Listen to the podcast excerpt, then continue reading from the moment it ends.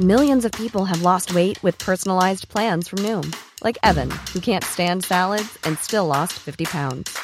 Salads, generally, for most people, are the easy button, right? For me, that wasn't an option.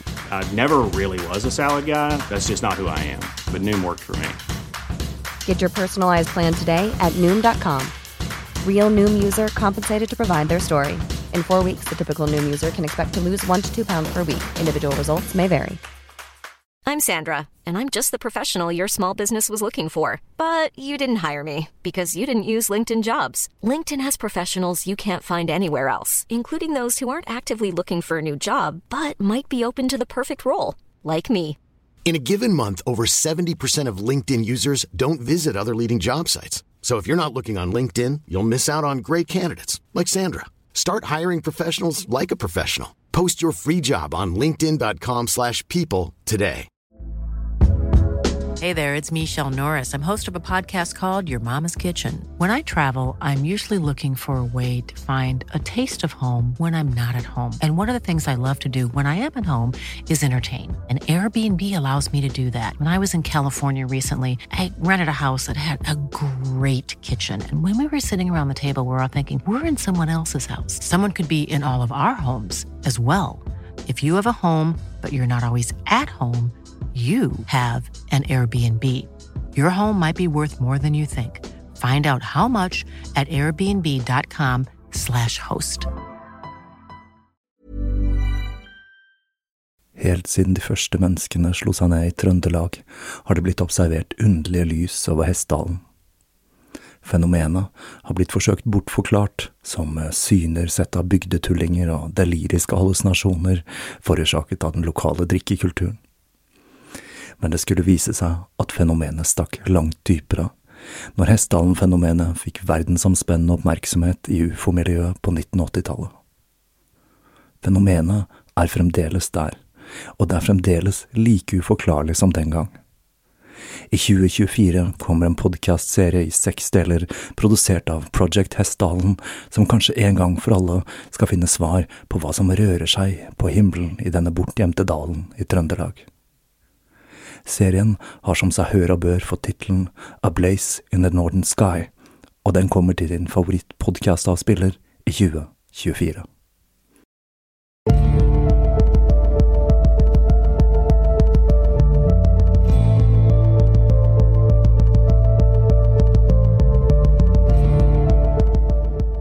Hei og velkommen til Tåkeprat. Jeg heter Even, og nå er vi da kommet til episode 48, og den fjerde delen i Prometheus, historien om livet til Alistair Crowley. Og når jeg tar opp denne, så er det søndag den 26. november 2017. Da har jeg faktisk klart å banke sammen denne episoden på en uke. Riktignok med et nødskrik og altfor mange timer begravet i okkult litteratur. Som forutsett så blir det da nok 14 dager til neste del, da jeg kommer til å bruke ganske mye tid på å komprimere den siste delen av livet til Crowley. Så på sendeplanen fram til jul så blir det da den siste delen i denne serien, og den berømte episode 50. Før det blir en liten juleferie, der jeg satser på å få gått gjennom materialet jeg skal starte med i januar. Jeg har da en ganske gigantisk stabel med bøker jeg må forholde meg til i 2018, og jeg har i hvert fall en viss idé om hvilke tema jeg skal ta for meg i det første kvartal. Nå kan jeg også rapportere at jeg har kommet inn i den fasen av serien hvor jeg begynner å bli preget av historien.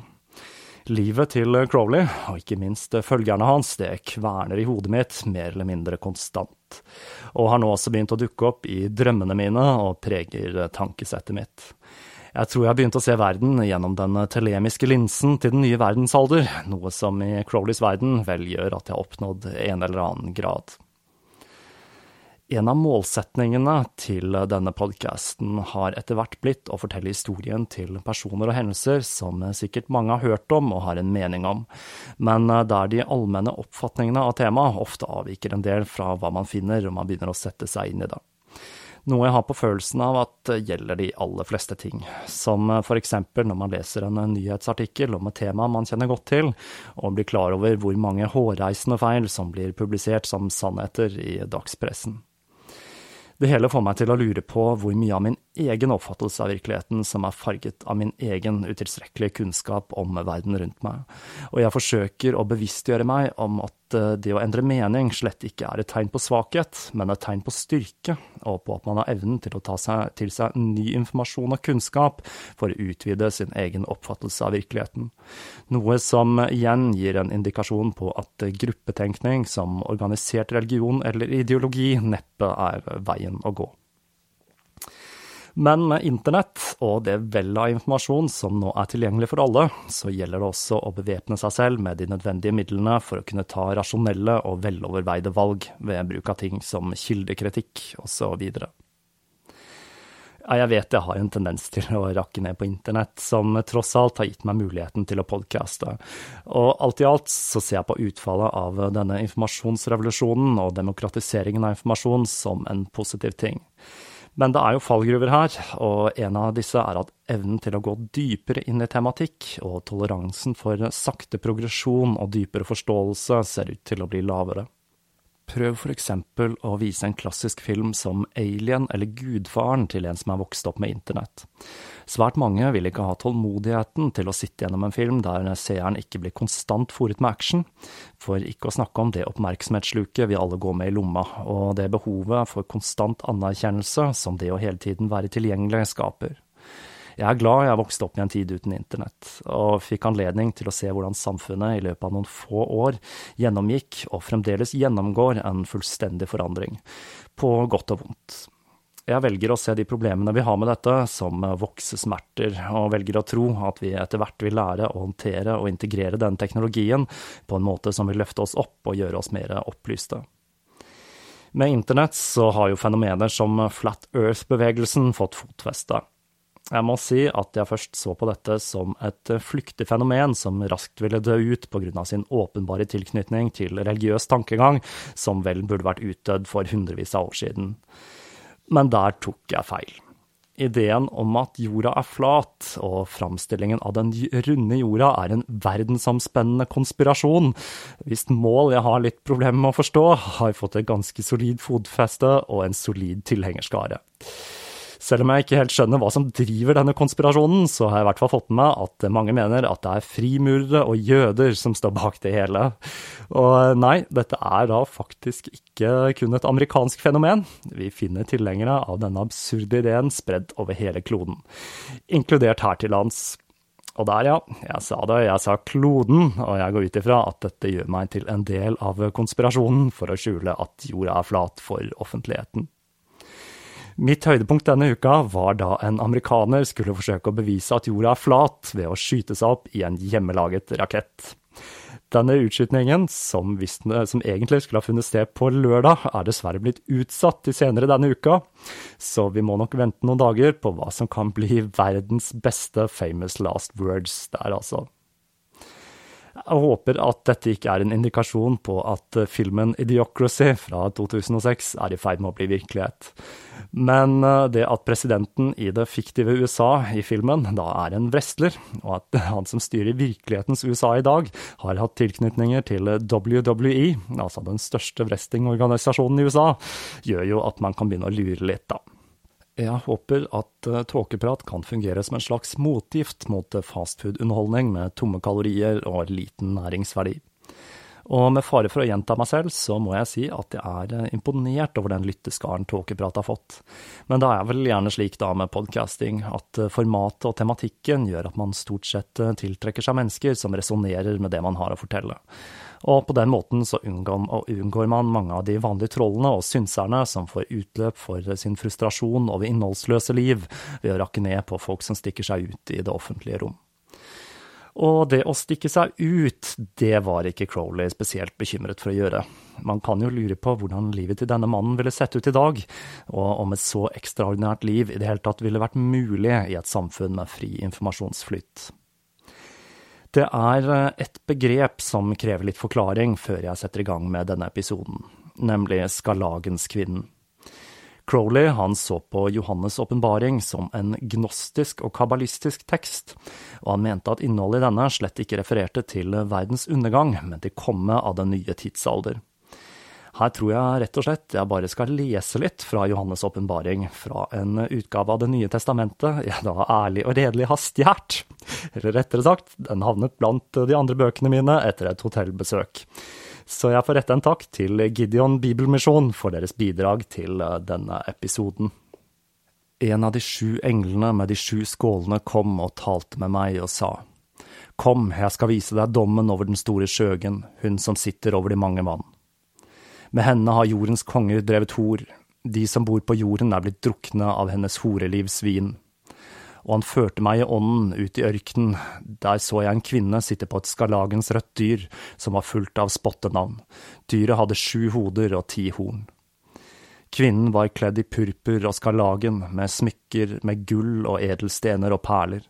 I sin hånd hadde hun et gullbeger fylt av styggedommer og hennes horelivs urenheter. På hennes panne var skrevet et navn, en hemmelighet, Babylon den store, mor til skjøgene og til stygghetene på jorden. Jeg så kvinnen drukken av de helliges blod og av Jesus' vitners blod, og jeg undret meg storlig da jeg så på henne. Og for Crowley så var altså Sjøgen kvinnen som skulle hjelpe til med innføringen av den nye tidsalder, og hun manifesterte seg i en rekke kvinner i Crowleys liv, som Rose, Mary Desty og Leila Vadel. Dette førte til at en rekke av Crowleys ritual, som den gnostiske messen som han skrev for OTO, ble ledet av en ypperste prestinne som representerte Skarlagens kvinnen. Og som vi skal se i denne episoden, så skulle det ikke stå på kvinner som fikk denne rollen i den neste epoken av livet til Crowley. For stikkordet til denne episoden, det er sex. I de foregående tre episodene så har vi vært igjennom den perioden av livet hans jeg vil beskrive som den mest interessante med tanke på hva han produserte, og også innen spirituelt og magisk arbeid. Som vi skal se, så begynner ting å skli litt ut, og sakte, men sikkert så beveger eh, historien seg over i hva jeg vil beskrive som den mørkeste perioden i livet til Alistair Crowley.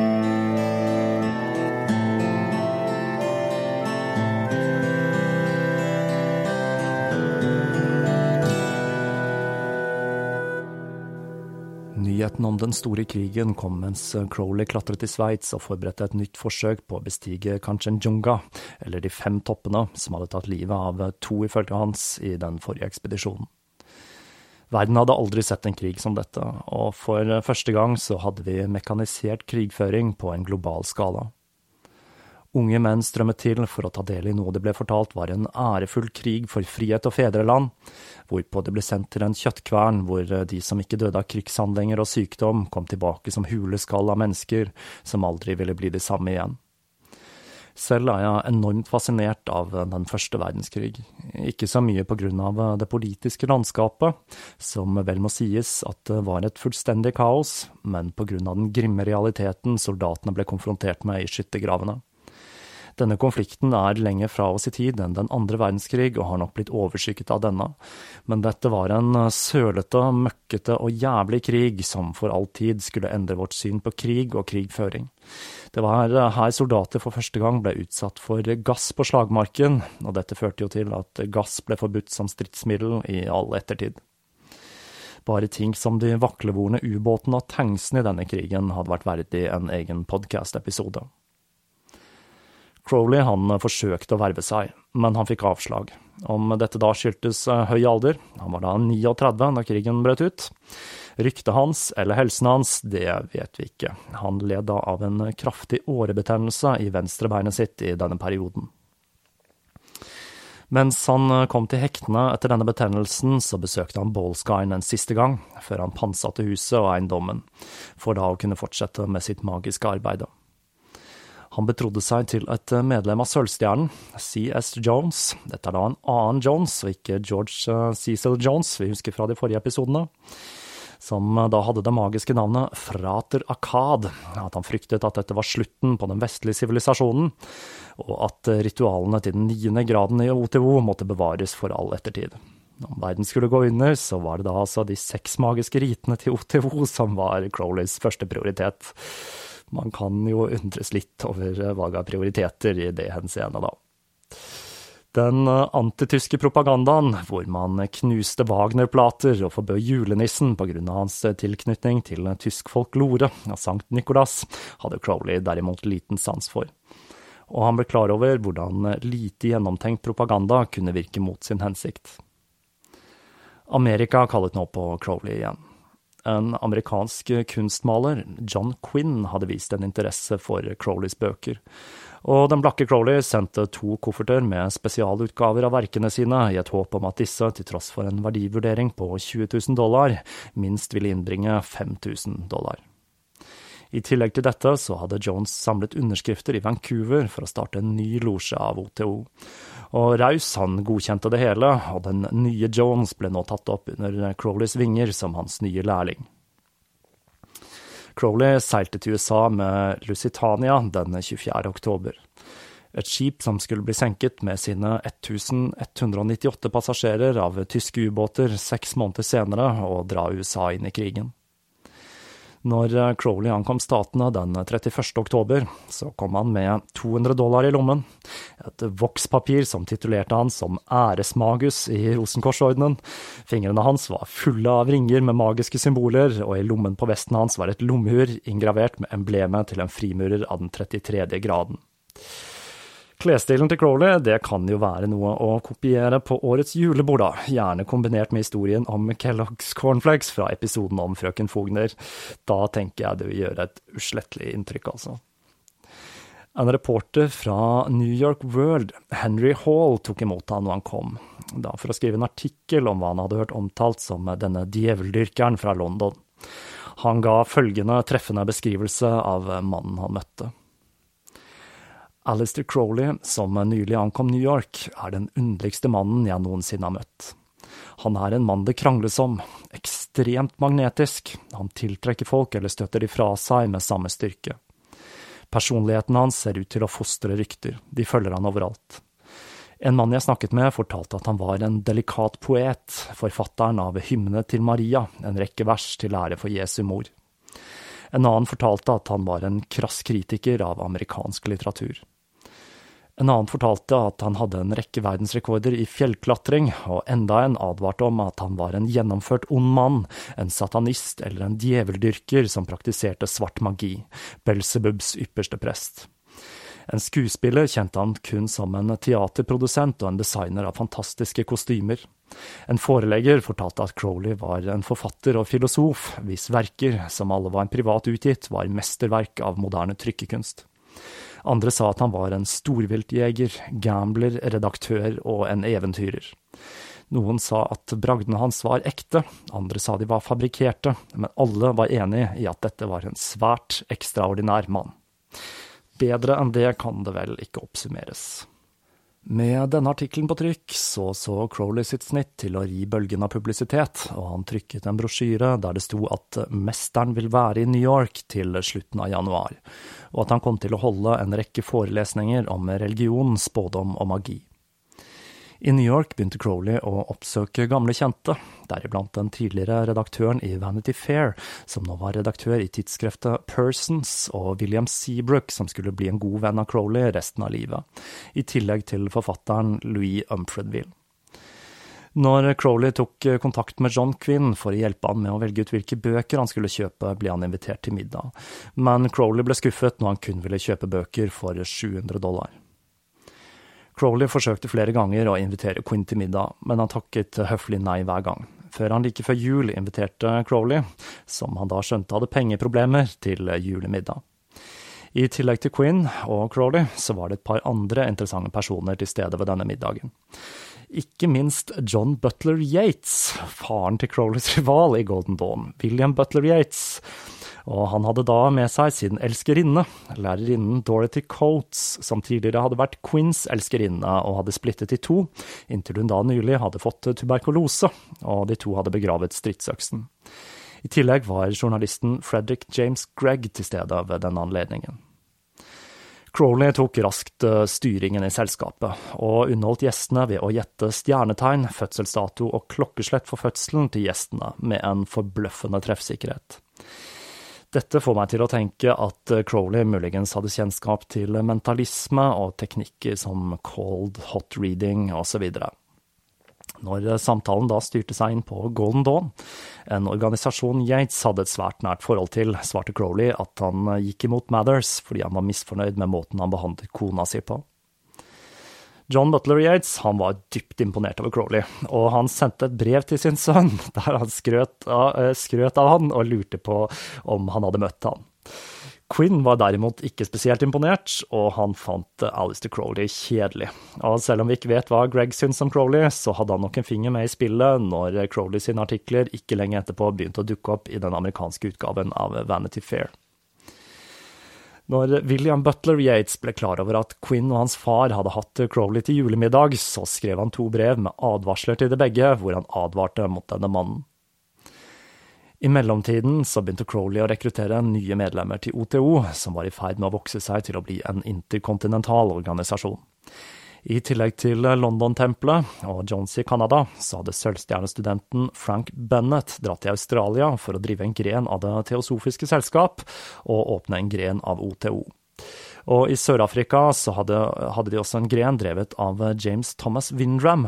Dette sørget for at eh, Crawley befant seg i en komfortabel posisjon, og at han jevnlig mottok 50-100 pund i inntekter fra de ulike losjene.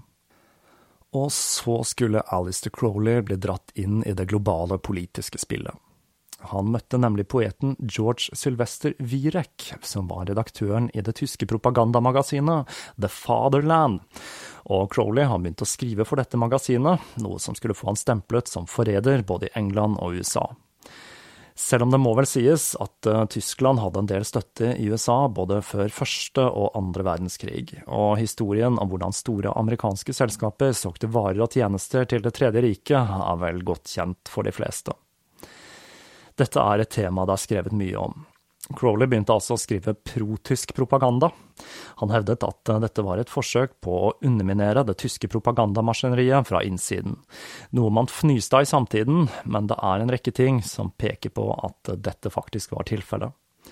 For ikke å gå for dypt inn i dette, så er det verdt å merke seg at Crowleys egne nedtegnelser i dagbøkene hans indikerer at det faktisk var dette han drev med og artiklene han skrev på The Fatherland var så overdrevne at de åpenbart var ironiske. Men dette gikk nok eh, amerikanerne hus forbi. Ironi, det er vel ikke amerikaneres sterke side, verken den gang eller nå. Men det kanskje mest graverende beviset på at Crowley forsøkte å underminere støtten til Tyskland fra innsiden, er at han under den andre verdenskrig jobbet for britisk etterretning i MI5 og MI6.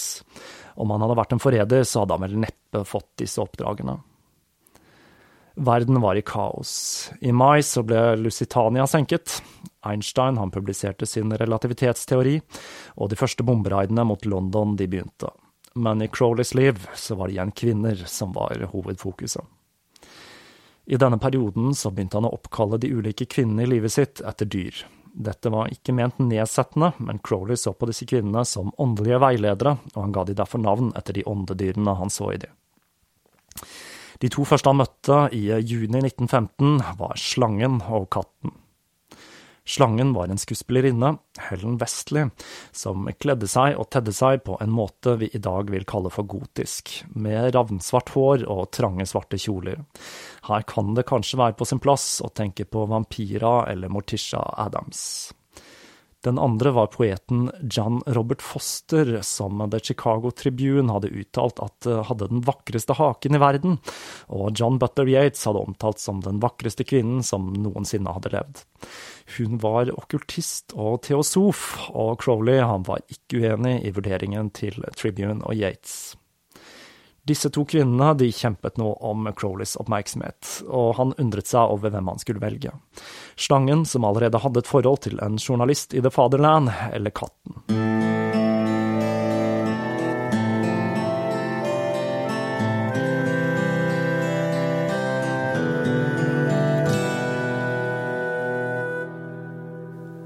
Han endte opp med katten, Jeanne Foster, som skulle vise seg å være gift med en mann som var eldre enn hennes egen far, og som nå var invalid og reiste rundt til diverse spa og kurbad. Og etter å ha fått vite dette når de to hadde drukket te og han var på vei til å gå, så spurte han Jeanne. Så du er bundet til denne gamle satyren som stjal deg fra krybben, hvor plasserer det meg? Hvorpå hun kysset han og sa jeg elsket deg ved første blikk, som en spirituell bror. Og Alistair Crowley, han tok hatten sin og gikk.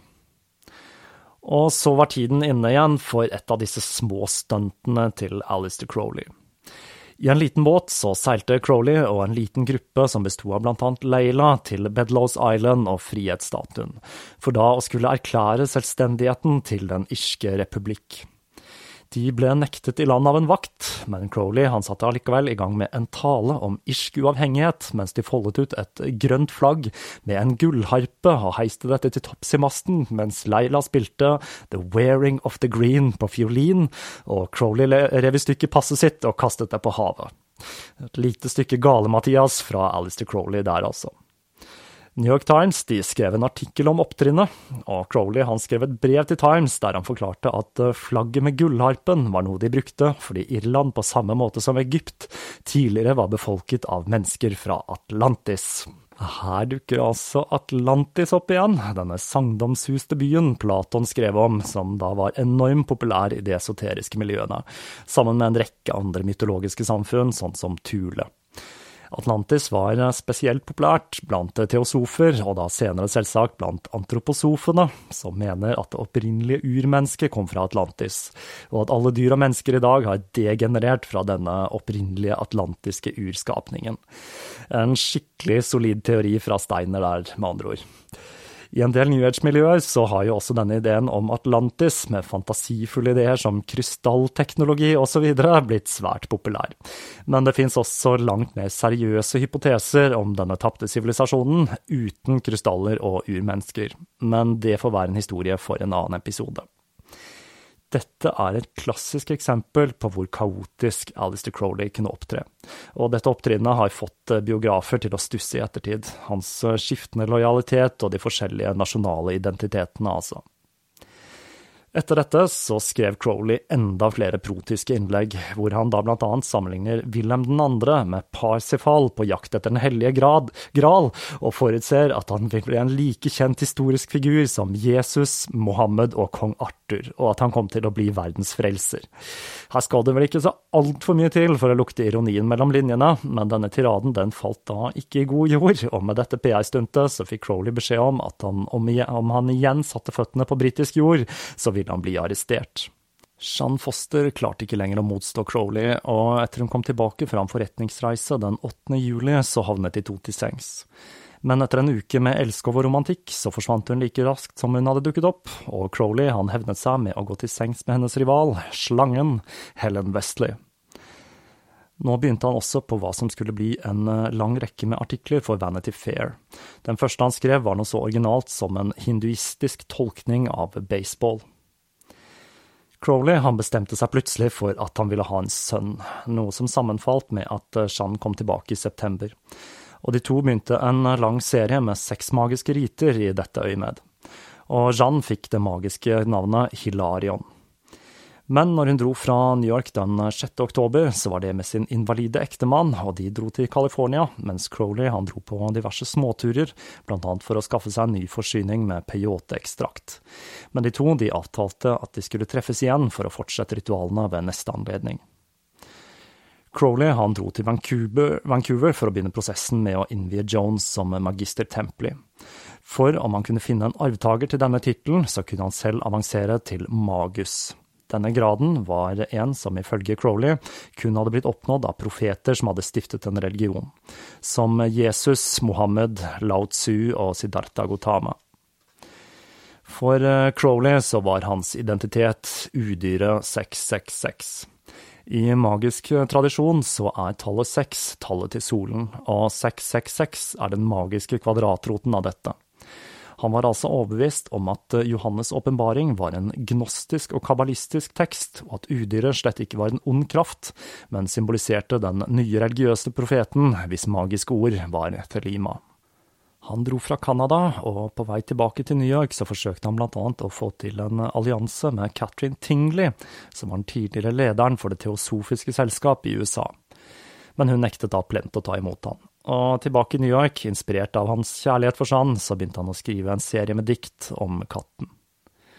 Sov med et siste langt kyss, smiler rømt og forsvinner, mine øyne er åpne og ser gull. Men dette forholdet skulle få en brå slutt. Jeanne sin dårlige samvittighet over å ha gått bak ryggen på sin invalide ektemann innhentet henne, og hun forlot Alistair Crowley. Han på sin side, han gjorde sitt ytterste for å få henne tilbake, men når han ikke kom noen vei, så begynte han å vise seg fra sin ikke fullt så gode side. Han begynte å skrive en rekke brev til hennes mann, der han påsto at hun hadde en affære med en advokat, og at hun planla å forgifte han. Han sendte også en kvinne til henne med en trussel om at om hun ikke kom tilbake til han, så ville hun bli ødelagt av magiske krefter. Måtte djevelen ta deg og Crowley, sa hun til kvinnen før hun smelte døra i ansiktet på henne, og priset seg lykkelig over å ha sluppet unna denne mannen som nå hadde vist seg fra sin sanne side. Når Crowley innså at han ikke kom noen vei, så bestemte han seg for å kutte båndene mellom de to med magi. Han ventet utenfor kontoret hennes på Manhattan til hun kom ut, for så å konfrontere henne, og han trakk fram en magisk dolk inngravert med hebraiske navn og seil, og begynte et fordrivelsesritual. Jeanne ble vettskremt og flyktet i den tro at han var i ferd med å myrde henne, mens en forsamling samlet seg for å se på dette merkelige opptrinnet med denne mannen som sto og veivet en dolk i luften og messet. Jeanne trodde hun hadde unnsluppet et drapsforsøk, og Crowley var fornøyd med at de magiske båndene endelig var kuttet. Når Leila kom tilbake til New York i februar 1916, søkte han trøst i hennes armer, kun for å oppdage at de etter sju år hadde vokst fra hverandre, og på samme måte som med katten, så var Leila nå historie. Leila, den jeg kanskje finner mest fascinerende av alle Crowleys kvinner, skulle bli i USA i en årrekke som fiolinist, forfatter og journalist, før hun til slutt dro tilbake hjem til sin syke far i Australia, hvor hun fortsatte sin fiolinkarriere, fram til hun døde av livmorhalskreft den 14. september 1932, i en alder av 51 år.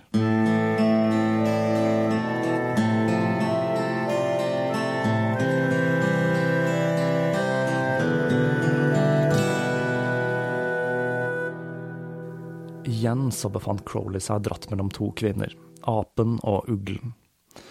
Apen var en musiker fra Yorkshire, Alice Ethel Komaraswamy, som var gift med kunstkritikeren og historikeren Ananda Kentish Komaraswamy. Hun opererte da med kunstnernavnet Ratan Devi, som betyr den juvelbesatte gudinnen, og kledde seg i indiske klær, sang indisk musikk og spilte tambura. Crowley var svært begeistret for musikken hennes, men noe skeptisk til at hun var svært forfengelig og lidenskapelig. Noe som er litt underlig, ettersom dette er to ord som passer svært godt til å beskrive Crowley selv. Uglen på den andre siden, eller Gerda Maria von Kotek, var enkel, men jordnær og fornuftig. Alice, eller Ratan Devi, hadde flyttet til India for å studere indisk, sanskrit og musikk. Hun hadde blitt gravid med Komoraswami, noe som hadde ført til en konfrontasjon med hans kone. Han var da selvfølgelig gift, og dette da førte igjen til bruddet til det første ekteskapet og starten på det andre. Ifølge Crowley så hadde hun hatt en affære med hans beste venn mens alt dette pågikk. Hun var da en svært populær sangerinne, og Komoraswami hadde tatt kontakt med Crowley for å be om at han skulle skrive om henne i Vanity Fair. Forholdet mellom Ratan Devi og Crowley var en bisarr affære. Hennes mann var lei av alle luksusvanene hennes og de høye bokostnadene i New York, og sa at Crowley kunne ta henne som elskerinne, og man kunne skaffe henne en annen kvinne som han selv kunne ha som elskerinne, og som var billigere i drift. Crowley introduserte han da for Gerda, og de to flyttet sammen i en leilighet. Men når Ratan begynte å tjene gode penger på karrieren sin, så krevde mannen å få henne tilbake men nå var det tår i suppa. Hun var nemlig blitt gravid med Crowley. En eh, krangel eh, Crowley nektet å ta del i, oppsto, og eh, han forlot New York og satte kursen mot Washington for å ta seg av noen forretninger. Eller hva vi nå skal kalle det han drev med der, for det var litt av hvert. I Washington så gjorde han seg bemerket ved å promotere en samling med 191 brev med sine kommentarer, skrevet av Henry Clifford Stewart, eller Stewart X, som han kalte seg. Disse brevene var skrevet i fri form, og handlet om alt fra politikk til samfunnsliv.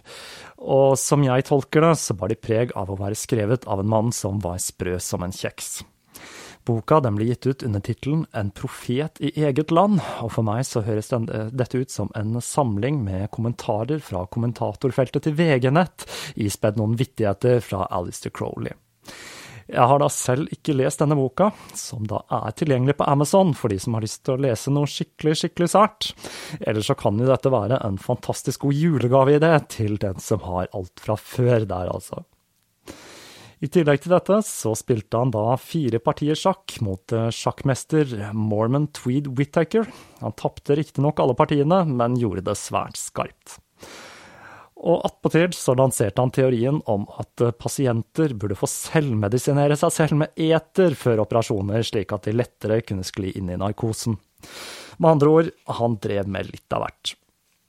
Tilbake i New York så hadde situasjonen med apen og uglen løst seg selv. Ratan og mannen de hadde bestemt seg for å dra tilbake til England, og Crowley han hooket igjen opp med uglen. Selv om Alistair Crowley formelt hadde akseptert tittelen som magus i oktober, så følte han at han stagnerte, og at han ikke var helt der han skulle. Så han bestemte seg for å dra på en magisk retreat til Lake Pasquani i New Hampshire. I dag så heter denne Newfound Lake.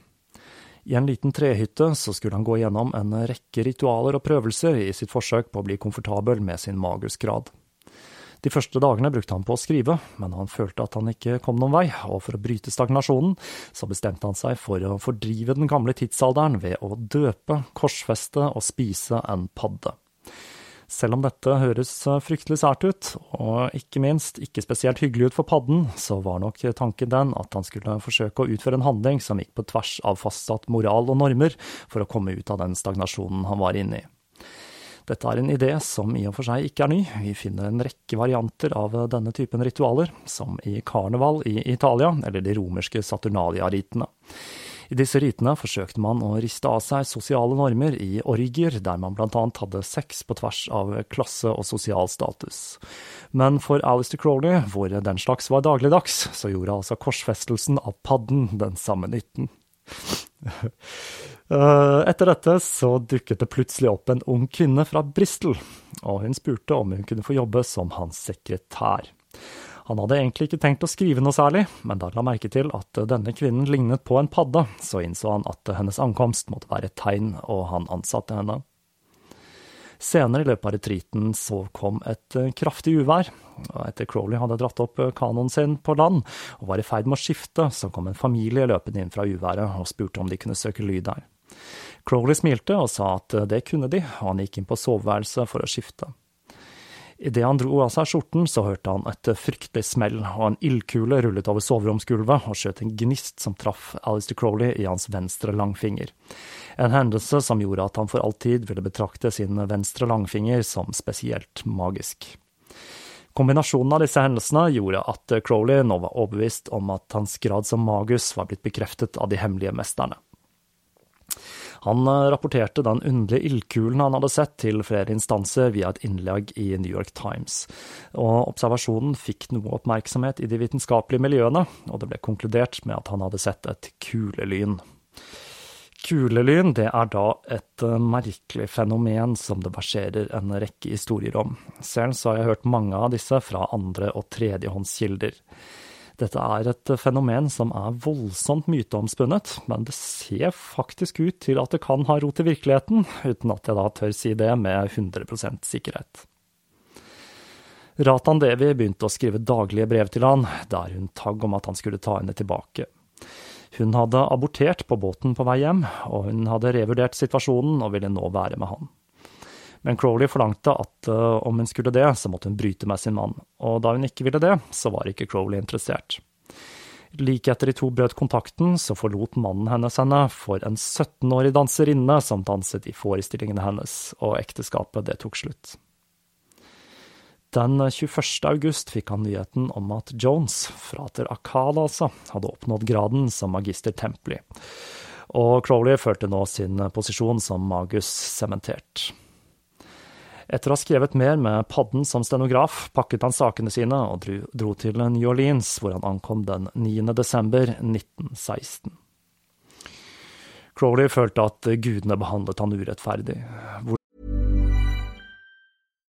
If you're looking for plump lips that last, you need to know about Juvederm lip fillers. With Juvederm Volbella XC and Juvederm Ultra XC, your lip look, whether it's subtle or bold, can last up to one full year with optimal treatment and no additional maintenance. Find a licensed specialist and see if it's right for you at juvederm.com today. That's J U V E D E R M.com. Add fullness to lips in adults over 21 with Juvederm Volbella XC or Juvederm Ultra XC. Do not use if you have severe allergies or a history of severe allergic reactions, or if you're allergic to lidocaine or the proteins used in Juvederm. Tell your doctor if you have a history of scarring or taking medicines that decrease the body's immune response or that can prolong bleeding. Common side effects include injection site redness, swelling, pain, tenderness, firmness, lumps, bumps, bruising, discoloration, or itching. As with all fillers, there's a rare risk of unintentional injection into a blood vessel, which can cause vision abnormalities, blindness, stroke, temporary scabs, or scarring. For full important safety information, visit juvederm.com. Hiring for your small business? If you're not looking for professionals on LinkedIn, you're looking in the wrong place. That's like looking for your car keys in a fish tank. LinkedIn helps you hire professionals you can't find anywhere else, even those who aren't actively searching for a new job but might be open to the perfect role. In a given month, over 70% of LinkedIn users don't even visit other leading job sites. So start looking in the right place. With LinkedIn, you can hire professionals like a professional. Post your free job on linkedin.com slash people today. Hvordan kunne han være fattig og streve med å oppnå ting når han var en magus. Så Crowley han bestemte seg for å streike. En magisk streik, altså. Han sverget å ikke løfte en finger i sitt magiske arbeid før han ble gitt bedre vilkår av de hemmelige mesterne. Ikke overraskende så kom det veldig lite ut av denne streiken, og etter to uker så var alt bare blitt verre.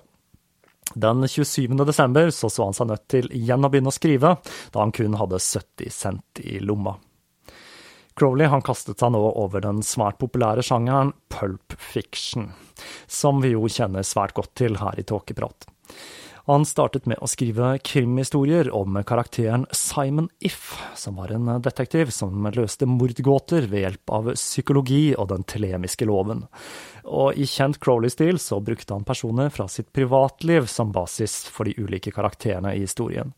Blant annet så figurerte mannen til Ratan Devi som skurk i en av disse fortellingene. Alistair Crowley sto også bak en variasjon av bridge, piratbridge, som skulle vise seg å bli en ekstremt populær farsott i flere år før dagens versjon av dette spillet, ja, da kan absolutt ingenting om, tok over på 20-tallet.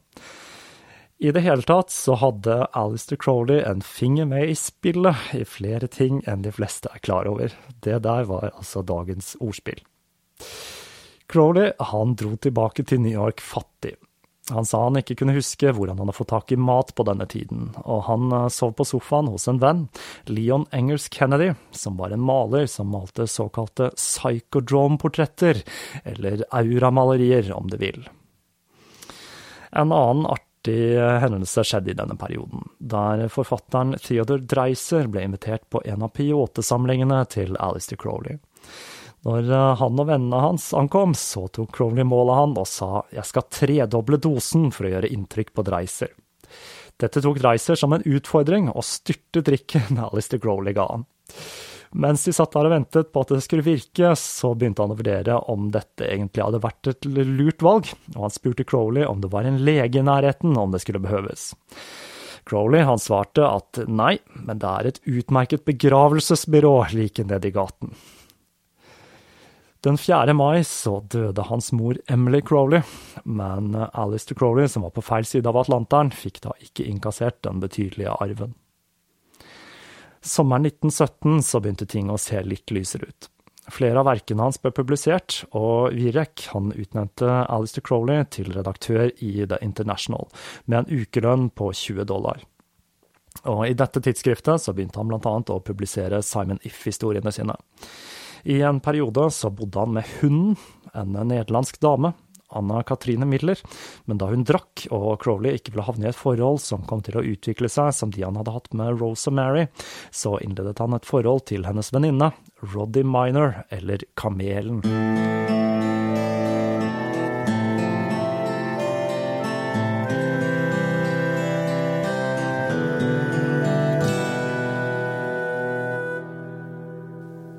Minor var en prominent figur i New Yorks suffragettebevegelse, og hun var lederen for hovedkvarterene til Progressive Women's Suffrage Union.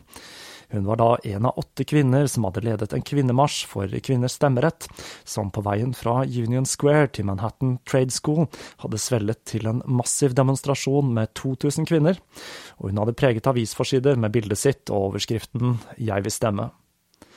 Når Crowley møtte henne, jobbet hun som apoteker, og var medlem av American Pharmaceutical Association. Hun hadde også vært med på å starte The American Women's Pharmaceutical Association, hvor hun var visepresident. Da hun hjalp Crowley med å bære han ut av en periode i en finansiell ørken, så døpte han henne altså Kamelen. De to flyttet sammen, og Crowley begynte igjen arbeidet med å spre den telemiske loven. Med Kamelen begynte en ny serie med visjoner fra de hemmelige mesterne. I en serie med ritualer som resulterte i en rekke spådommer og veiledning, mot slutten av denne serien med ritualer fikk Crowley beskjed fra en skapning de kommuniserte med, Amalantra, at han skulle få svaret på et kabalistisk mysterie han tidligere ikke hadde klart å løse, nemlig å få hans magiske moto, Tumegatherion, til å gå opp numerologisk i tallet 666. Den samme dagen så fikk Crowley svar på nettopp denne gåten, som han tidligere hadde publisert i The International, og hjertet hans gjorde et hopp når han så navnet som på den som hadde svaret. Samuel Bar Aivas. Navnet på hans hellige skytsengel viste seg å være et hebraisk navn. Denne mannen ga han også den riktige stavemåten til Aivas på hebraisk, og Crowley så på dette som et sikkert tegn på at det fantes en overmenneskelig intelligens, og kom til å bruke dette som et argument for at lovens bok ikke var skrevet av et ordinært menneske. Og enda et par kvinner dukket opp, da selvsagt, eller rettere sagt tre, som Crowley sammenlignet med skorpioner som vandret i ørkenen med han og kamelen. Den første av disse var Eva Tanguay, den best betalte vaudeville-stjernen i samtiden, som var kjent for sine ekstreme fjærkledde kostymer, og hun var så energisk at hun ble omtalt som den menneskelige dynamo. Hun var kjent for sine svært offentlige affærer, og ble blant annet koblet opp mot den afroamerikanske tungvektsbokseren Jack Johnson, noe jeg mistenker ikke var helt problemfritt på denne tiden, med tanke på rase der, altså. Den andre var Marie Lavrovom, som var en russisk immigrant som Crowley møtte når hun reiste rundt i USA og holdt foredrag for kvinneorganisasjoner om hvordan den russiske revolusjonen aldri kunne ha lyktes uten en forbudstid.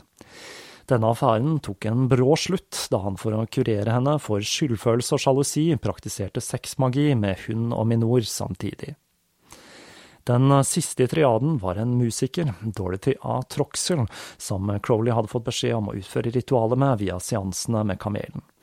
Denne kvinnen skulle senere, da av alle ting, utmerke seg ved å være den første som satte sammen en engelsk-mongolsk ordbok. I mars 1918 solgte frater Akad alt han eide for å flytte til sin læremester i New York og i april sørget et bytte i eierskap i The International for at Crowley mistet redaktørstillingen sin og ikke lenger fikk publisere arbeidene sine der, og ikke minst så mistet han inntekten fra magasinet. Og Minor hun gjorde nå slutt med Crowley, etter de hadde fullført serien med ritualer. Crowley hevdet at dette skyldtes at hun hadde sett hans demoniske side, den han da ikke hadde klart å forene med den gode siden i sine første eksperimenter med astralprojeksjon. De to ble enige om å skilles etter å ha snakket sammen, og de skiltes som venner. Crowley følte seg igjen noe fortapt, og følte igjen behovet for å dra på en magisk retreat. Denne gangen skulle han dra til Esopus Island på eh, Hudson, som da lå like i nærheten av Catskill-fjellene, som vel har vært nevnt en rekke ganger her i Tåkeprat, både i forbindelse med Gordon Wasson og HB Lovecraft, om jeg ikke husker helt feil. Når han la ut på elva, så hadde han med seg flere spann med rød maling, og vennene hans spurte om han ikke heller burde prioritere å ha med seg proviant, hvorpå Crowley avfeide det hele og sa at gudene vil sørge for meg. Crowley innså at han hadde brukt for mye tid på sexmagi, og på denne retreaten så begynte han igjen å praktisere sine teknikker i meditasjon, yoga og visualisering. Og mat, det fikk han, da de lokale bøndene lurte på hvem denne galningen som campet på øya var, og satte ut mat til han. I løpet av denne retreaten så hadde han flere visjoner der han gjenopplevde tidligere liv. Her må det vel sies at disse visjonene hadde lite å gjøre med faktiske historiske hendelser, og neppe hadde en reell tilknytning til hans tidligere liv. Før han forlot øya, firte han seg ned langs klippene som vendte ut mot Hudsonelva, og malte med store røde bokstaver Gjør hva du vil skal være hele loven, hver mann og hver kvinne er en stjerne. Når han forlot øya, så følte han at tiden snart var inne for å forlate Amerika. Men først så skulle han starte med enda en ny karriere. Tilbake i New York kunne han nemlig fortelle at han nå var blitt en maler, og at eh, det at han hadde vært en poet var en misforståelse fra hans side av hans kunstneriske uttrykk. Det skulle vise seg at han hadde eksperimentert litt med tegning i et forsøk på å lage forsider til The International, men ingen av disse hadde blitt godkjent og trykket. Crowley oppsøkte flere gallerier for å studere malerier, før han kastet seg over sin eh, nye lidenskap. Han eh, søkte nå etter modeller, og satte inn en avisannonse der han søkte etter dverger, pukkelrygger, tatoverte kvinner og generelle freaks. Det er jo litt artig, da, at uh, tatoverte kvinner ble regnet som freaks på denne tiden, og det er vel en viss fare for at Crowley ville storkose seg i 2017 i det henseende. Det å jobbe på freakshow, det var jo faktisk et yrke som gjorde at uh, mange som ellers ikke ville hatt muligheten til å brødfø seg selv, fikk en fast inntekt. Når denne tvilsomme underholdningen forsvant, så ble mange av disse overlatt til institusjoner og lignende. For de som har sett American Horror Story, så er det jo en sesong som foregår på nettopp et av disse freakshowene. Selv om det vel kan sies at den delen av mennesket som var tiltrukket av freakshow, fremdeles blir tilfredsstilt av ting som reality-TV. På mange måter så kan vi vel si at freakshowet var en mer ærlig og direkte måte å vise ting som vakte fascinasjon og avsky på. Til tross for hans eh, åpenbare mangel på teknikk, så fikk bildene hans en viss oppmerksomhet fra ultramodernister i New York. Den samme november så døde Samuel Little Matters av spanskesyken, denne N1H1-varianten av influensa, altså. Og Crowley han dro til Detroit for å planlegge oppstarten av et permanent hovedkvarter for det amerikanske OTO. Her tok han eh, kontakt med Albert Winslow Rayerson, som i tillegg til å drive en bokhandel, var en frimurer av den 32. graden av det skotske ritus. Han møtte da Crowley i november 1918 sammen med de to partnerne han eide bokhandelen med, som også da var frimurere, i tillegg til to kvinner. Men det var mer enn det å selge bøker Crowley hadde i tankene. Han sa han var villig til å anerkjenne frimureriet og erstatte det banale systemet med et enklere og mer logisk system, men nektet å diskutere detaljene med frimurere som var av lavere rang enn den 33. graden. De to hadde tre møter den høsten, og de ble enige om at Rayerson skulle stå for markedsføringen av en ny utgave av The Equinox. Eh, kjøpe noen av de med sjeldne utgavene fra Crowleys bibliotek han ikke hadde fått solgt til John Quinn, og ikke minst så skulle han omfavne den telemiske filosofien. Dette førte til at hans kone skilte seg fra han like etter. Hun var da ikke like begeistret for sin manns nye syn på seksualitet men han fant seg raskt en ny elskerinne i Bertha Almira Bruce, en svært selvstendig dame som delte hans syn på seksuell frihet. Hun var også svært velstående og hjalp han økonomisk med bokhandelen. Hun skulle også bli eh, Crowleys skarlagenskvinne i en periode.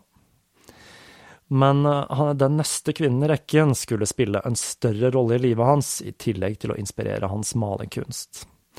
Lea Hirsig var søsteren til Marian Dockerill, en dame som hadde vært på flere av Crowleys forelesninger, og som hadde vært involvert i flere av hva hun kalte kjærlighetskulter. Alistair Crowley var da altså ikke den eneste som prediket fri kjærlighet i denne perioden. Når Crowley møtte Lea første gang, våren 1918, følte han en uimotståelig trang til å kysse denne kvinnen med sin slanke figur og gutteaktige kropp og hun kysset han tilbake, og de to måtte nærmest rives fra hverandre når hun og søsteren skulle gå. Neste gang de møttes, var de i forbindelse med hennes jusstudier i New York i januar 1919. Denne gangen fikk han vite at hun var 36 år gammel og hadde en sønn, Hans Hammond, eller Hansi, som bodde i Florida med sin tante og onkel, mens Lea jobbet som lærer og sendte hjem penger. Faren var visstnok død, men Crawley var skeptisk til denne historien om farskapet til sønnen, og hadde en annen versjon av historien enn den Lea kom med. Etter hun var ferdig med å fortelle livshistorien sin, så gikk det like fort fram som sist. Han kledde henne naken og tenkte på beskrivelsen av skarlagenskvinnen i Johannes' åpenbaring. Hun skal stå skamløs fremfor alle menn. Etter de hadde hatt sex og Crowley reiste seg fra sengen, litt forfjamset over hvor raskt de hadde havnet i seng sammen, så tok han fram tegneblokken sin og spurte. Hva skal jeg male deg som? Mal meg som en død sjel, svarte Lea. Neste gang de møttes, gjennomførte Alistair Crowley et rituale der han tok Lea som sin nye skardagenskvinne, og de to flyttet sammen i en leilighet med utsikt over Fifth Avenue. Bildet av henne som en død sjel besto av tre paneler som viste en kropp i forskjellige stadier av forråtnelse, og var et av de som ble stilt ut i hans første utstilling, som da besto av en rekke malerier inspirert av Crowleys lære og hans tidligere bekjentskaper.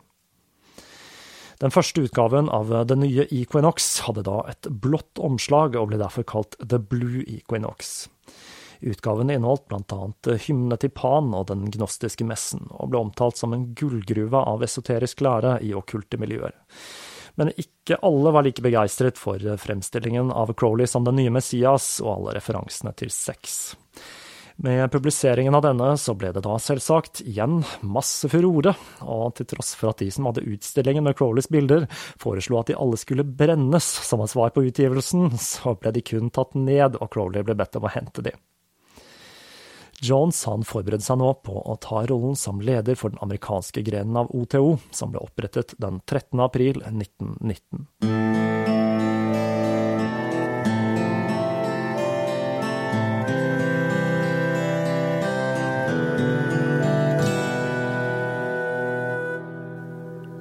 mai begynte forholdet til Lea å slå sprekker, og han begynte å se seg om etter nye elskerinner. Blant annet så fridde han til slangen Helen Westley, som avslo frieriet blankt, og han skrev et brev til skuespillerinnen Jane Wolff, som han var besatt av, for da å forsøke å avtale et møte, men dette ble det ikke noe av. I juni ble derimot livet hans snudd på hodet da det skulle vise seg at Lea var gravid, en nyhet Crowley mottok med stor glede.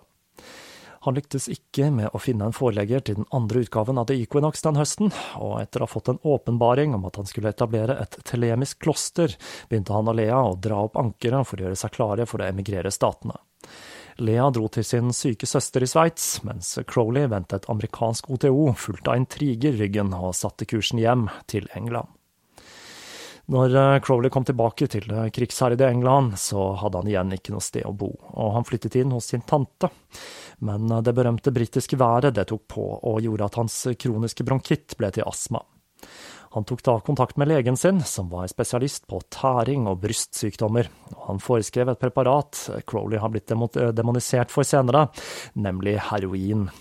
Et preparat som var lovlig og svært vanlig å bruke i behandling av denne typen lidelser, men den daglige bruken, og med innføringen av den britiske Dangerous Drugs Act i 1921, så skulle dette føre med seg en del problemer for Alistair Crowley. Han var igjen fattig Pengene fra morsarven hadde gått rett til fondet til Rose og Lola. Han oppsøkte Eckenstein, men fant ut at hans gamle venn var blitt kjedelig og gift. Sannheten den var at Eckenstein hadde utført en rekke klatrebragder siden sist de skiltes, og da i tillegg utviklet en del prototyper på klatreutstyr. Han var nå 61 år og kom til å dø i 1921 av tuberkulose. Og tabloidene hadde ikke glemt Alistair Crowley, og overskrifter som kalte han en forræder og krevde at han skulle bli arrestert, preget avisene. Han skjønte raskt at det ville lønne seg å forlate England nok en gang, og han sendte et telegram til Lea og ba henne møte han i Paris. De møttes i Paris den 11. januar, Lea med Hansi i hånd og åtte måneder på vei. Ett år etter Lea ble skarlagenskvinnen, sverget de nå en ed på å etablere det telemiske klosteret.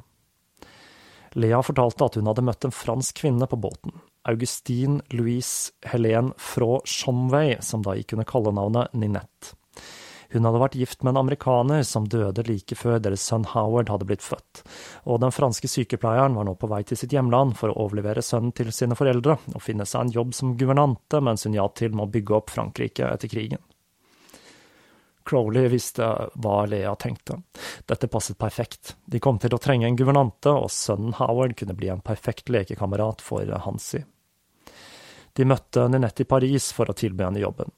Ninette minnet Crowley om Ratan Devi, og sønnen Howard var blek og klamret seg til moren og gråt hele tiden.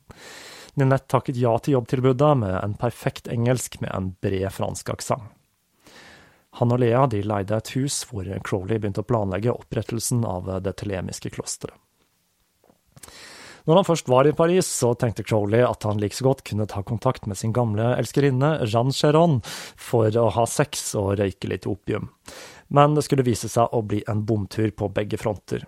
Hun var nemlig ikke interessert i noen av delene. Men eh, Crawley fikk seg en skikkelig overraskelse da hun viste han et uh, silkebroderi hun hadde laget av tavlen han og Rose hadde sett i Kairo, og som han hadde trykket i The Equinox. Jeanne fortalte at hun hadde lett etter en kur mot opiumsavhengighet, og en dag hun hadde, hadde, hun tegnet tavlen i søvne. Dette hadde gjort så inntrykk på henne at hun brukte tre måneder på å brodere bildet og bekjempe sin avhengighet.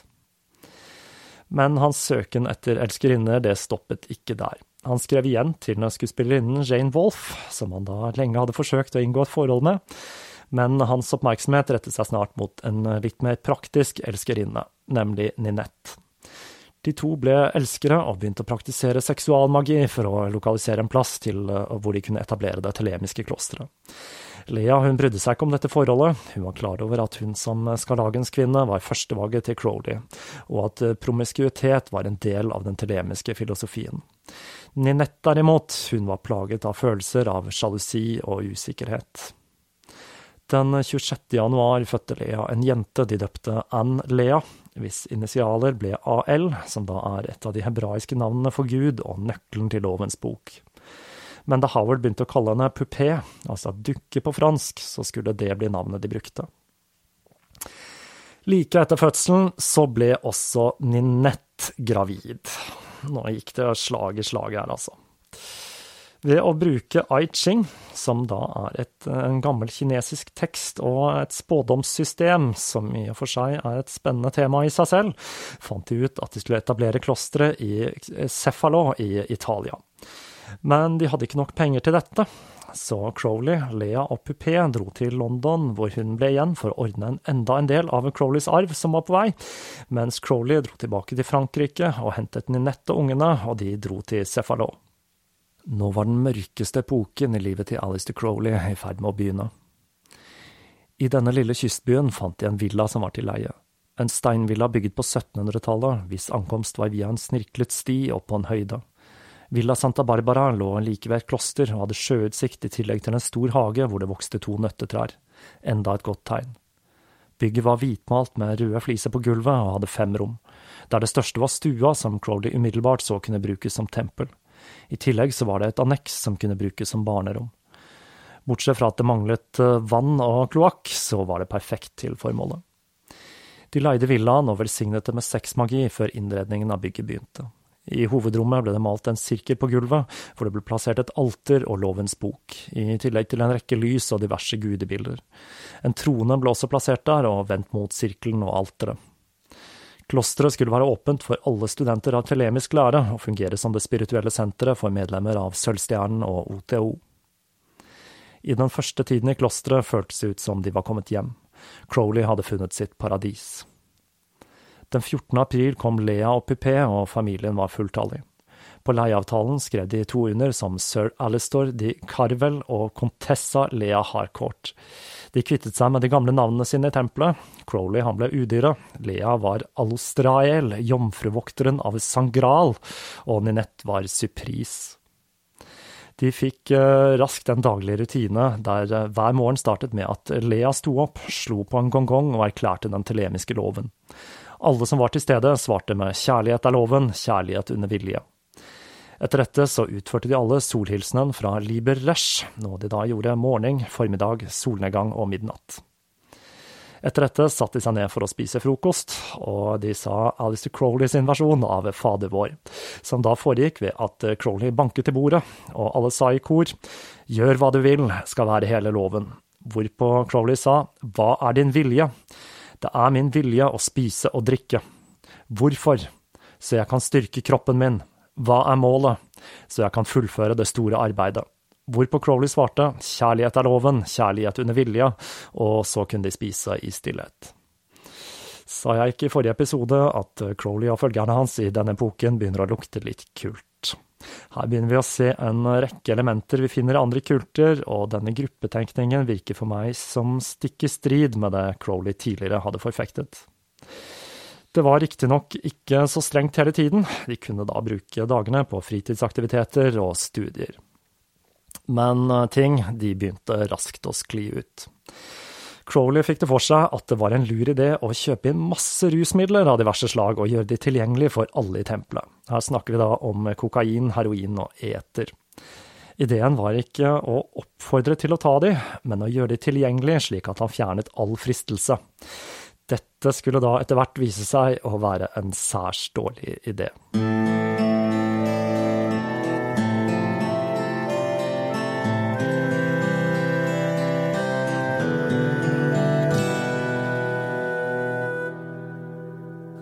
Jeg lurer litt på hvor eter ble av blant alle rusmidlene. Dette stoffet gjorde sin seiersgang på denne tiden, og var svært populært blant en rekke kunstnere, men det er jo forsvunnet helt. Så der har dere et gratis tips fra meg, VG, om dere er på jakt etter et nytt motedop å skrive om. Crowley begynte nå å sende ut invitasjoner til studenter.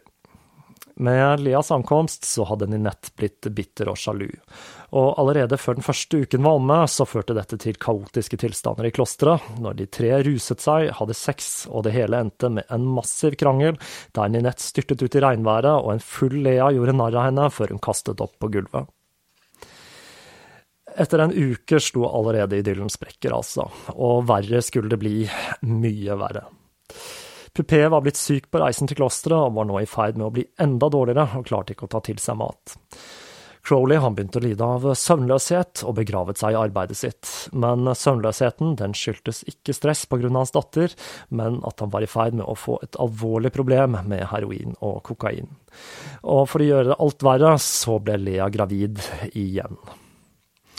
Crowley hadde endelig fått avtalt et møte med Jane Wolfe, som han da hadde forsøkt å få til i lengre tid. Og han og Lea de dro til Tunis for å møte henne. Mens de ventet på henne på hotellet, så begynte de to, høye på kokain, å eksperimentere med masochisme, med Crowley som den som ble dominert i en serie med masochistiske riter. Etter den lange reisen så satte Jane Wolfe seg ned i en stol for å vente på Crowley. Hun lukket øynene, men bråvåknet av en stemme som sa gjør hva du vil skal være hele loven. I det øyeblikket ble alle hennes illusjoner knust, for foran henne sto Lea og Alistair Crowley. Lea var da møkkete med flokete hår og svarte negler. Crowley så i det minste litt mer velstelt ut i sin stripete dress med spaserstokk og hatt, men den synske Jane fikk en illevarslende visjon av en fugl som var fanget i sølet. Crowley han var også skuffet, for Jane Wolfe var langt eldre og mer maskulin enn han hadde forestilt seg. De dro til klosteret, og der fikk Jane seg enda flere overraskelser da hun oppdaget at dette var et skikkelig rottereir som var like møkkete som de som bodde der. Og det var enda en kvinne i klosteret, som da attpåtil var gravid. Hun hadde kommet for å møte Crowley i håp om å bli hans elsker, men det så da ut til at den rollen allerede var fylt, og det dobbelt opp. Ikke det at hun hadde spesielt høyt ønske om det lenger, etter å ha møtt han. Hun ble da satt til et intenst yogaprogram og til å stensilere manuskriptene til Crowley. Sakte, men sikkert så fant hun seg til rette i det telemiske klosteret. Indoktrinering er vel kanskje et stikkord som passer her. Den 14. oktober så døde Pupé, og grepet av sorg og ute av stand til å hvile, så aborterte Lea i noe som var en svært dramatisk spontanabort. Dette førte til enda en konflikt, der Lea anklaget Ninette for å ha forårsaket aborten, og Crowley leste i dagbøkene til Ninette og oppdaget at hun følte både hat og sjalusi overfor Lea, og han sendte henne til byen for å gjennomgå den siste delen av svangerskapet der. Etter hun den 26. november fødte en datter Crowley døpte Astarte Lulu Panthea, fikk hun igjen komme tilbake til klosteret. Den første studenten som kom til klosteret, var CF Russell. Sammen med Russell så gjennomførte Crowley og Lea et rituale der de etter å ha fått han høy på eter, planla å overtale han til å ha sex med Crowley, før Crowley skulle ha sex med Lea. Dette skar seg, da eter ikke akkurat gjør underverker for potensen. De to de forlot tempelet for å dra ut i verden og gi kroppene sine til alle som ville ha de, som en del av et slags telemisk misjoneringsarbeid, altså. Lea flyttet inn til huseieren i Palermo, og Crowley han dro til Paris for å lete etter elever. Nina Hamnet, som hadde jevnlig kontakt med Crowley på denne tiden, sa at han var sønderknust etter Pupés død. Og han klarte da å rekruttere poeten Mary Frances Butts, som var i ferd med å skille seg, og hennes nye mann, forfatteren James Cecil Maitland. De var først svært skeptiske, men de skulle reise til klosteret den neste sommeren.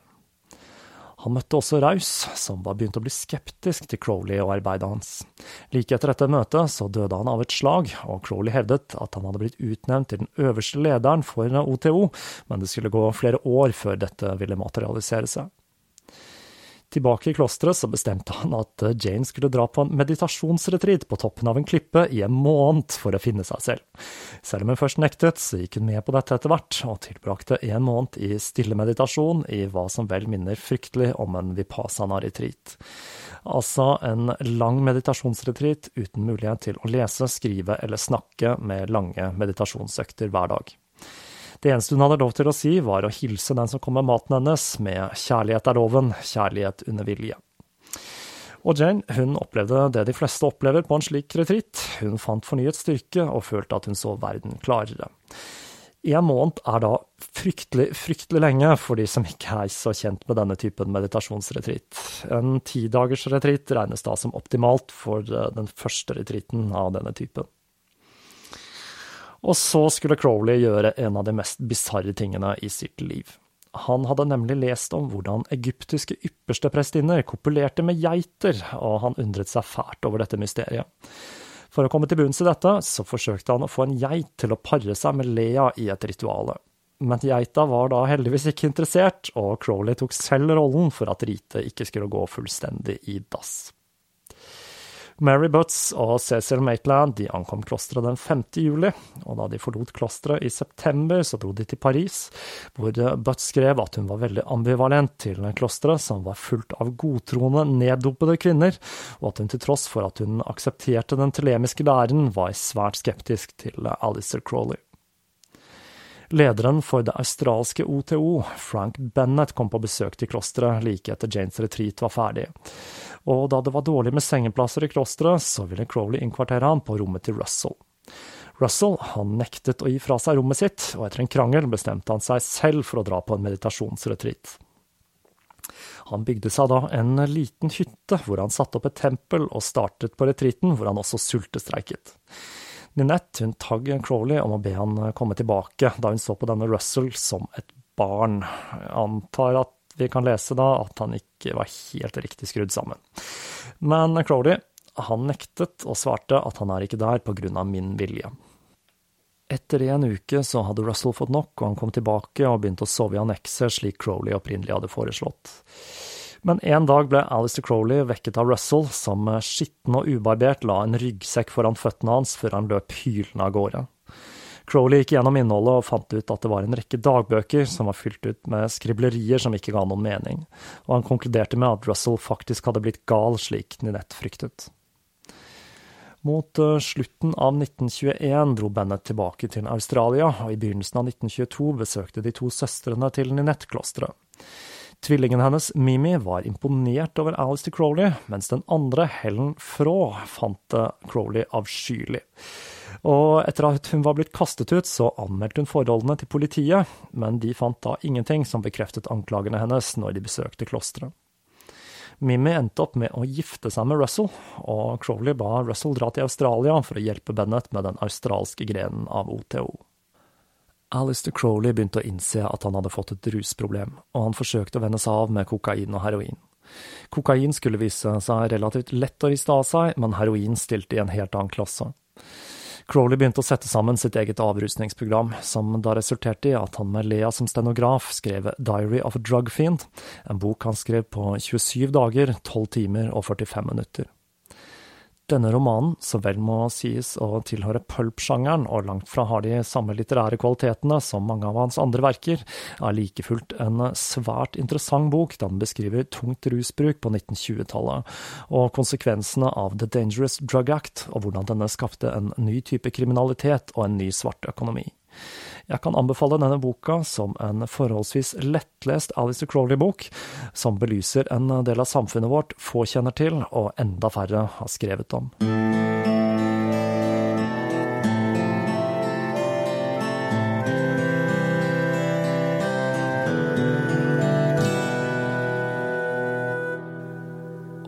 Der setter vi en sluttstrek for denne episoden, med Alistair Crowley i sin dypeste skyggedal.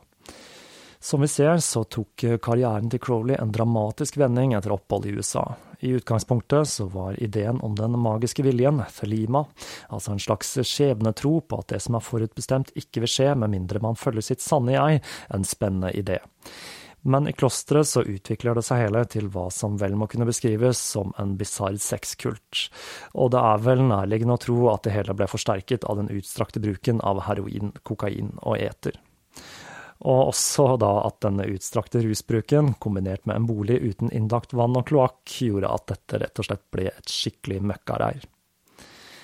Neste episode i denne serien kommer altså om 14 dager, for nå har jeg et alvorlig arbeid foran meg for å forsøke å destillere den siste delen av denne historien til noe som ser ut til å bli en mastodont av en episode. Og så får vi se da hvor preget jeg blir av å jobbe med den siste delen av livet til Crowley. Kanskje jeg kringkaster den siste delen fra en villa i Italia. Etter denne serien så blir det nok en liten stund før jeg igjen hiver meg over et like omfattende tema. Selv om jeg da har flere av disse på tapeten. Men det er slik med livet til Alistair Crowley at det er så mange aspekter og sider jeg føler bør tas med for å kunne tegne et korrekt bilde av denne mannen. Som dere vel har skjønt, så var han verken en djeveldyrker eller en helgen, men en svært komplisert person med en rekke dårlige, men også flere positive egenskaper. I tillegg til at han nok hadde enkelte mentale defekter. Empati ser da ikke ut til å ha vært hans sterke side. Men én ting er sikkert, livet hans det er en svært interessant historie som fortjener å bli fortalt. Flere av dere har spurt meg om tips til podcaster som kan fylle tomrommet de søndagene der det ikke blir tåkeprat, og jeg sikter meg da inn på å snakke litt om diverse podcaster i denne berømte episode 50, som dere da kan sende inn spørsmål og kommentarer til, noe jeg da vil oppfordre til på det sterkeste. Men jeg tenkte da at jeg skulle tipse om en av disse ytterst få norske podkastene jeg hører på, da Tåkeprat nylig ble anbefalt i denne podkasten, nemlig Saltklypa. Jeg tror jeg nevnte denne podkasten som en inspirasjon til å starte en norsk podkast i utgangspunktet, i pilotepisoden, men for de av dere som ikke har hørt den, så tenkte jeg at det var på sin plass å tipse om denne perlen av en norsk podkast. Opprinnelig så oppdaget jeg denne da jeg hadde fått en overdose med Rudolf Steiner, mat med kosmisk energi og kvantehealing. Jeg begynte da å høre på en del skeptikerpodkaster som motgift. Skeptikerbevegelsen har da endret seg en del de senere år. Fra å være hva jeg vil beskrive som en nærmest ideologisk bevegelse, som refleksivt langer ut mot alt som ikke passer inn i ideologien, så har i hvert fall deler av bevegelsen blitt mer opptatt av ting som vitenskapsformidling og formidling av metoder for å utvise kritisk tenkning, fremfor da å forsøke å sable ned alt og alle. Etter å ha hørt en del podcaster, så kom jeg over fenomenet Skeptics in the pub, som da rett og slett er skeptikertreff. Og jeg ble nysgjerrig på dette og søkte etter dette i Norge, og sånn kom jeg over podcasten Saltklypa. Saltklypa er da en gammel traver i norsk podkastsammenheng. Dette er en pratepodkast bygget over samme lest som en del utenlandske podkaster, men det som gjør at den skiller seg ut i norsk sammenheng, er at dette er mennesker som har spisskompetanse innen en rekke fagfelt. I panelet så finner vi annet personer med inngående kjennskap til arkeologi, biologi, teknologi og astronomi. Og det som gjør det hele litt ekstra artig, er at de ofte tar for seg norske tema og norsk presse. Fra Snåsamannen til store overskrifter om vitenskapelige artikler i dagspressen. Så for de av dere som er glad i podcaster med innhold og vitenskap, så kan jeg trygt anbefale Saltklypa. Men jeg bør da kanskje advare om at de har en årlig Melodi Grand Prix-episode. Så der har dere den, altså. Og da gjenstår det vel bare å si på gjenhør.